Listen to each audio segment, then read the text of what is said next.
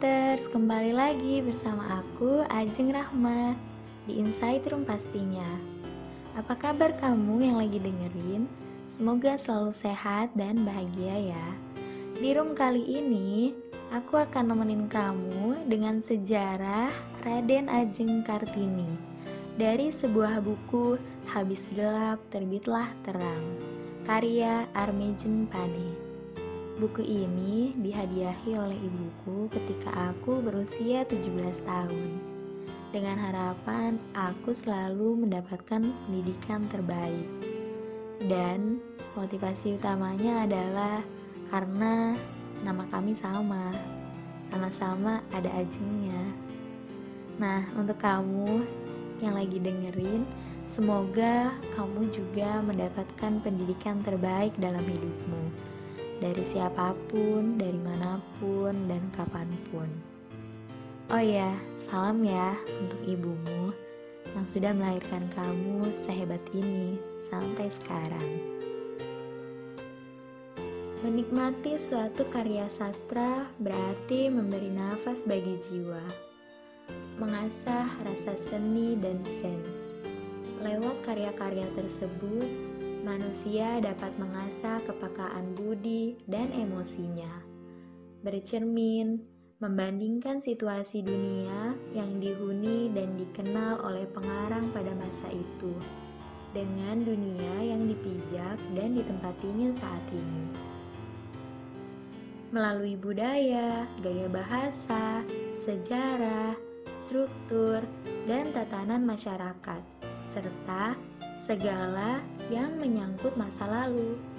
Perasaan tertentu dapat muncul di hati, seolah-olah kita sendiri yang mengalaminya. Raden Ajeng Kartini, cucu dari Pangeran Aryo Condronegoro, Bupati Demak, yang terkenal suka akan kemajuan. Beliaulah bupati yang pertama-tama yang mendidik anak-anaknya, laki-laki maupun perempuan dengan pelajaran barat. Dalam tahun 1846, belum ada pikiran memberi didikan kepada orang bumi putra. Bahkan sekolah bagi orang Eropa masih banyak celahnya. Tetapi beliau sudah dapat meramalkan apa yang perlu di waktu yang datang.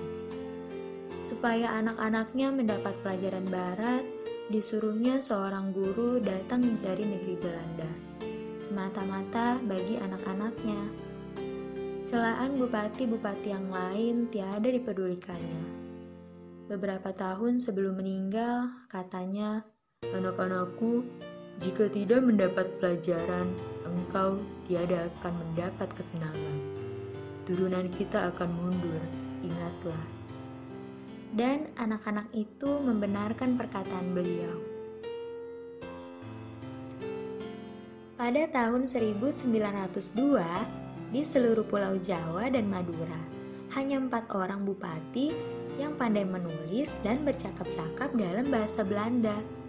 Ialah Bupati Serang, Pangeran Arya Ahmad Jaya Diningrat, Bupati Ngawi, Raden Mas Tumenggung Kusumo Utoyo, Bupati Demak, Pangeran Aryo Hadiningrat, paman dari Raden Ajeng Kartini, dan Bupati Jepara, bapak dari Raden Ajeng Kartini, dan Raden Mas Adipati Aryo Sosroningrat. Di Cirebon ada beberapa orang bupati yang sedikit-sedikit mendapat didikan. Selebihnya pada masa itu masih kolot dari situ kelihatanlah betapa majunya keluarga Kartini. Pamannya itu bukan sekali dua menjadi anggota komisi yang didirikan pemerintah untuk menyelidiki suatu perkara. Dalam permuraan abad ini didirikan perhimpunan bupati, maka yang menjadi ketua yang pertama-tama adalah Pangeran Aryo Hadiningrat. Beliau itulah yang mula-mula pandai menguraikan pikirannya dan pendapatnya secara orang barat. Ialah pikiran dan pendapatnya tentang keadaan di dalam masyarakat orang Jawa. Dan tentang apa yang harus dijalankan akan memperbaiki keadaan itu. Dalam tahun 1871, beliau dipekerjakan pada Departemen BB. Kemudian diwajibkan membuat nota tentang apa-apa sebabnya amtenar Bumi Putra berkurang disegani orang dan tentang apa-apa yang hendaknya dijalankan supaya mereka itu naik lagi derajatnya.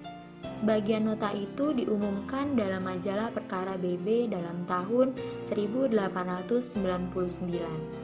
Pada akhir karangannya itu dikatakannya, orang yang berteman selamanya berterus terang, jika musuh sembunyi menyembunyikan. Hendaklah hal itu diingat-ingat. Saya uraikan perasaan saya karena hendak melakukan kewajiban seorang sahabat karena beliau selamanya berterus terang, banyaklah bertemu dengan halangan dalam melakukan pekerjaan.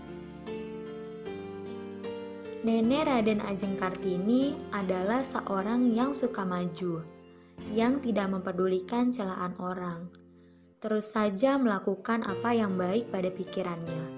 Beliau seorang perintis jalan. Sepeninggal beliau masih juga disebut-sebut orang namanya dengan hormatnya. Turunan Condon Negoro terkenal keluarga yang suka maju. Anak-anaknya semuanya dengan baik menerima warisan bapaknya. Ialah sifat suka maju, karena itu diberikan pula anak-anaknya didikan seperti yang didapatkannya. Dalam suratnya, tanggal 29 November 1901, kata Kartini kepada Nyonya Abendanon, Kartini dan saudaranya laki-laki maupun perempuan dididik bapaknya menjadi orang yang berpikiran. Ikhtiar itulah jasa. Jasa yang menyebabkan bapak banyak disegani dan disayangi orang. Teranglah kiranya semangat yang ada di sekeliling Kartini, di dalam kalangan keluarganya. Meskipun demikian majunya, tetapi didikan anak-anak gadis masih sedikit juga jika dibandingkan dengan anak laki-laki yang diizinkan belajar sesuka hatinya. Kartini lahir pada tanggal 21 April 1879 di Mayong, Kabupaten Jepara. Kemudian sekolah Belanda di Jepara, tempat kedudukan bapaknya menjadi bupati. Di masa bersekolah itu, Kartini merasa bebas. Tapi waktu sudah berumur 12 tahun, tiba-tiba dipaksa dipingit. Sahabat-sahabatnya orang Belanda berikhtiar supaya jangan dipingit, tetapi sia-sia saja. Orang tua Kartini memegang adat memingit dengan teguh. Meskipun dalam hal-hal lain sudah maju, bahkan sebenarnya keluarga yang termaju di Pulau Jawa. Empat tahun lamanya Kartini tiada diizinkan keluar, tetapi semangat zaman tiada dapat diulangi.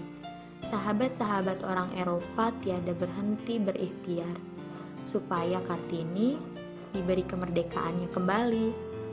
Maka, waktu sudah berumur 16 tahun, bolehlah ia melihat dunia luar lagi. Enam bulan kemudian diizinkan pula keluar sekali lagi, kemudian dipingit lagi, tetapi baru dalam tahun 1898 diberi kemerdekaan dengan resmi.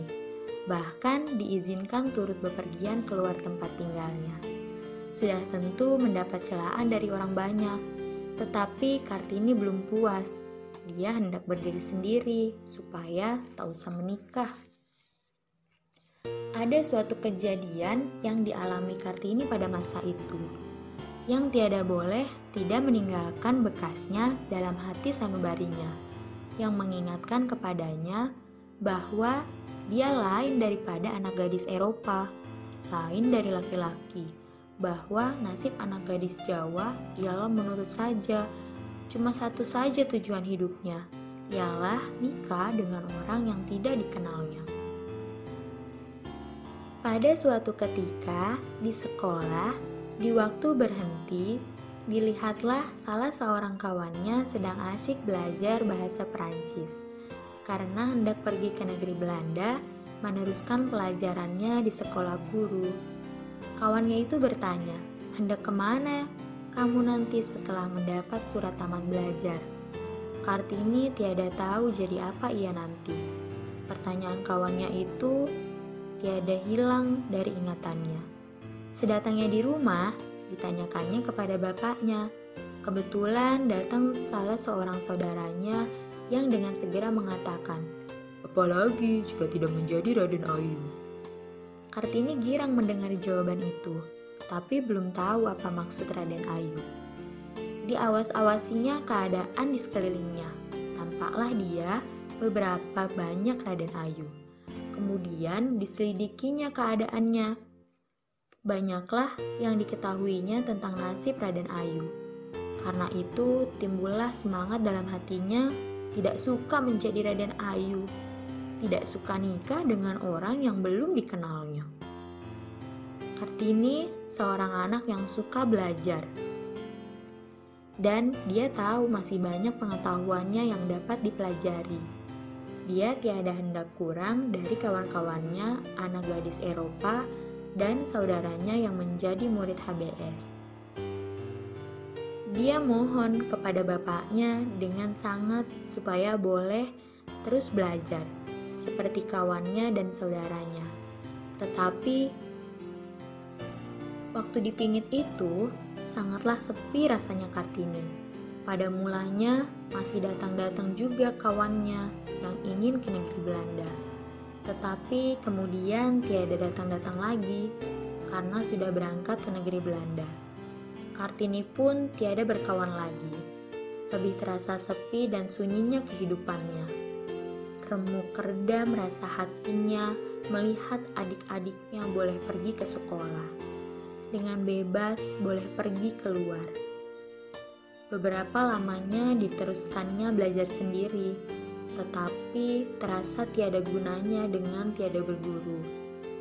Untuk masih diizinkan membaca buku-buku bahasa Belanda dan menerima surat-surat dari kawannya orang Eropa.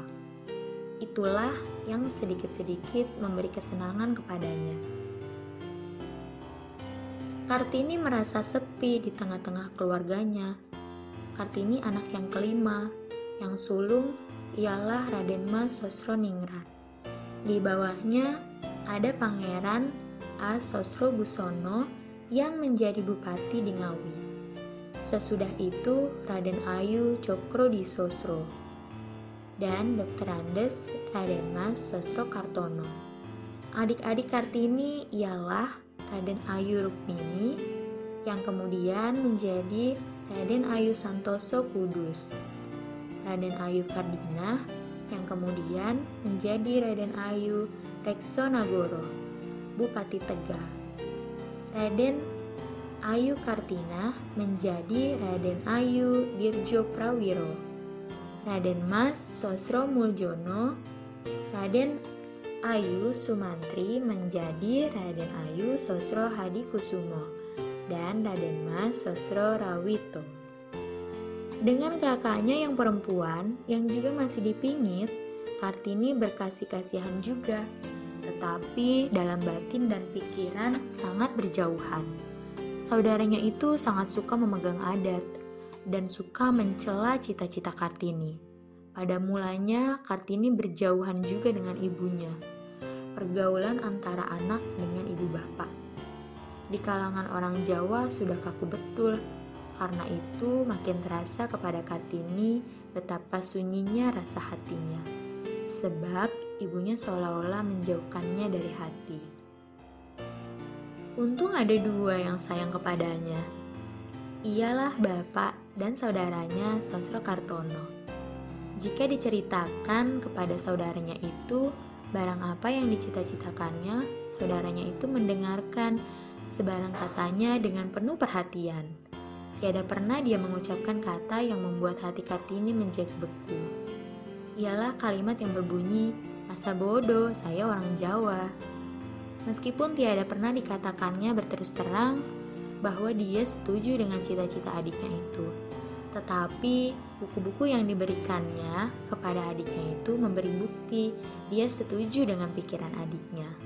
Dia tiada hendak melahirkan pendapatnya, menjaga adiknya itu supaya jangan lebih melawan lagi. Bukan kakaknya yang perempuan saja yang selalu merasakan kepadanya bahwa anak gadis Jawa lain dari laki-laki Jawa, tetapi lebih-lebih lagi saudaranya yang sulung. Saudara itu baru lepas dari sekolah, kemudian mendapat pekerjaan di tempat tinggal ibunya, lalu menumpang di rumah orang tuanya. Hati Kartini bukan menjadi riang, melainkan menjadi lebih sedih. Dahulu sebelum dia datang, ahli keluarga Kartini seolah-olah berpagar tembok. Kartini diterungku, dialang-alangi adat kebiasaan yang tiada disukainya dan yang selalu dilanggarnya. Hal itu semuanya sangat menyedihkan hatinya. Setiba saudaranya itu diapun, dicemoohkan, dan dicaci pula. Dia tidak suka tunduk kepada saudaranya. Meskipun selalu saja diberi nasihat Adik seharusnya menurut kata abangnya. Tetapi Kartini tiada hendak mengaku kebenaran kata itu. Tiada orang yang wajib diturutinya katanya, lain dari angan-angan hatinya sendiri. Jika dia baik, kata abangnya benar, barulah dia suka mendengarkan katanya. Tiap hari abang dan adik berselisih. Kartini tiada berkawan, sendiri saja melawan abangnya itu yang menjadi pelindungnya jika sekiranya orang tuanya meninggal sebelum Kartini nikah dengan orang yang sudah ditakdirkan Allah baginya. Jika ada bapaknya, abangnya itu tiada hendak mencemoohkannya. Sedang Kartini merasa bermalu dan tiada suka mengadu-ngadu. Ahli keluarga yang lain membiarkan abangnya itu meskipun mereka tahu Kartini yang benar anak gadis tidak boleh melakukan hak jika hak laki-laki tersinggung. Yang boleh menjadi hak Kartini ialah barang apa yang diizinkan abangnya itu. Di kemudian hari, kerap kali hal itu diingat Kartini. Taulah dia apa sebabnya laki-laki itu banyak akan hak. Cuma dirinya sendiri saja dipikirkannya. Dari sejak kecilnya sudah diajari supaya memikirkan keperluannya dirinya sendiri saja, ialah oleh ibunya sendiri. Di masa kecilnya, sudah pula diajari berlaku kepada anak gadis, seolah-olah anak perempuan itu lebih rendah derajatnya dari laki-laki. Ibunya, saudaranya perempuan, semua ahli keluarganya perempuan, demikian pikirannya. Tetapi hati Kartini selamanya melawan tidak suka mengaku kebenaran kata mereka. Dalam hatinya meribut pikiran, di dalam sanubarinya berkobar-kobar semangat mendurhaka, melawan keadaan yang menambat dan menghalangi dia dan kawan-kawannya perempuan. Dia wajib menempuh jalan yang baru, jalan mana belum nyata benar kepadanya. Kartini tiada suka bergaul. Jika terpaksa, karena manusia itu hanya menertawainya saja. Karena adat negerinya, dia tiada dapat mencari perlindungan kepada ibu bapaknya, kepada hati jiwa mereka. Sebab itu, dicarinya pelipur hatinya yang sangat menanggung itu. Di dalam buku, sahabatnya yang diam tiada suka berkata-kata itu. Lama-kelamaan, membaca buku menjadi nafsu baginya Baru saja habis pekerjaannya, dengan segera dia pergi asik membaca. Apa saja dibacanya, mengerti atau tidak, tidak diperdulikannya. Tidak menjadikannya putus asa.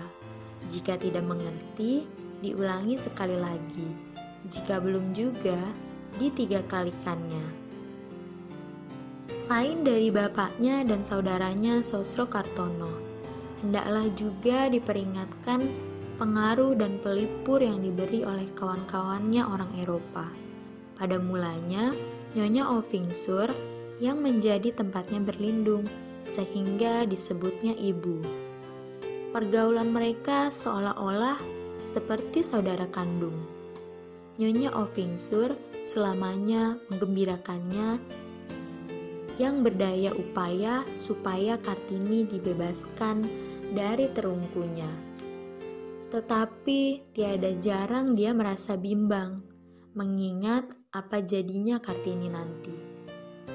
Sebelum akhir tahun 1899, Nyonya Ovingsur pindah ke Jombang karena suaminya dipindahkan ke sana. Dalam pada itu, Kartini telah berkirim surat dengan Nona Estelle Zihandelar di negeri Belanda. Waktu itu, Kartini berumur 16 tahun, tahun 1895. Saudaranya yang perempuan nikah. Kartinilah yang menjadi tertua. Pergaulan dengan adik-adiknya yang selama ini kaku saja, barulah sama sekali. Pada pangkal tahun 1900, adiknya Rukmini dipingit pula Rukmini waktu itu sudah berumur 14 tahun, jadi dua tahun lebih lama merdeka dari kakaknya. Pada tanggal 8 Agustus 1900, Kartini berkenalan dengan Mr. Abendanon yang datang berkunjung ke Jepara serta dengan nyonyanya. Kemudian, jalan cita-cita Kartini banyak terbimbing oleh Mr. Abendanon dan istrinya yang lambat laun menjadi pengganti Nyonya Ovingsur yang berangkat ke negeri Belanda pada akhir tahun 1902. Lain dari membaca Kartini, gembira menulis karangan dalam majalah dan surat kabar. Selalu dia menerima permintaan mengarang. Pada waktu itu, dicita-citakannya hendak pergi ke negeri Belanda. Kemudian, jika tidak dapat, ingin ke Betawi, sekolah dokter. Setelah bertemu dengan Mr. Abendanon, ingin pula masuk sekolah guru di Betawi, supaya dapat menjadi guru di sekolah anak gadis yang akan didirikannya nanti. Kemudian, ada cita-cita pula hendak ke Mojowarno, belajar menjadi bidan. Di masa itu, Zending baru mulai berkembang di sana. Pada tahun 1902, Kartini berkenalan dengan Tuan Van Kol dan nyonyanya Nelly yang sangat setuju dengan cita-cita Kartini hendak pergi ke negeri Belanda untuk belajar. Pada tanggal 26 November 1902, Van Kol mendapat janji dari minister jajahan bahwa Kartini dan saudaranya Rukmini akan diberi belanja belajar di negeri Belanda. Pada tanggal 25 Januari 1903, Mr. Abendanon berkunjung ke Jepara dapat menasihati Kartini supaya jangan belajar ke negeri Belanda karena akan merugikan cita-citanya. Kartini mengiyakan kata Abendanon itu. Dalam pada itu telah berubah di rohaninya berkat petunjuk Nyonya Van Kol yang membuat Kartini baik akan perubahan yang sudah hidup di dalam hati jiwanya. Kartini sudah merasa tawakal, sudah beriman, sudah percaya akan Allah. Atas ajakan Mr. Abendanon, dikirim Kartini Rekes kepada pemerintah supaya diberi belajar di Betawi menjadi guru. Di samping itu, diberi Mr. Abendano nasihat supaya jangan menunggu balasan rekes, supaya terus saja bekerja mendirikan sekolah sendiri. Maka Kartini dan adiknya dimulai mendirikan sekolah. Pada pangkal tahun 1902, adiknya yang bernama Kardina sudah menikah. Hal itu sangat melemahkan hati Kartini, menjadi salah satu hal yang membuat dia berubah dalam rohani.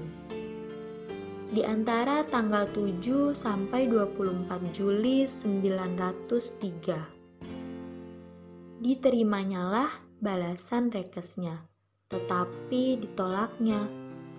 Nah, karena akan menikah. Pada tanggal 8 November 1903 dia pun menikah. Pada tanggal 13 September 1904, anaknya laki-laki lahir. Namun, empat hari kemudian, pada tanggal 17 September, Kartini pun meninggal. Nah, perjuangan yang diperjuangkan oleh Ibu Kartini dalam jiwanya dan dirinya bukan berbatas kepada dirinya dan masyarakatnya sendiri, melainkan jadi mengenai semua manusia perempuan di dunia ini. Terima kasih kamu yang sudah meluangkan waktu untuk mendengarkan sejarah Raden Ajeng Kartini pada tanggal 21 April 2021 ini. Semoga kita, kamu, dan seluruh perempuan Indonesia, perempuan masa kini yang hebat luar biasa, jaya selalu seluruh perempuan Indonesia. Selamat Hari Kartini.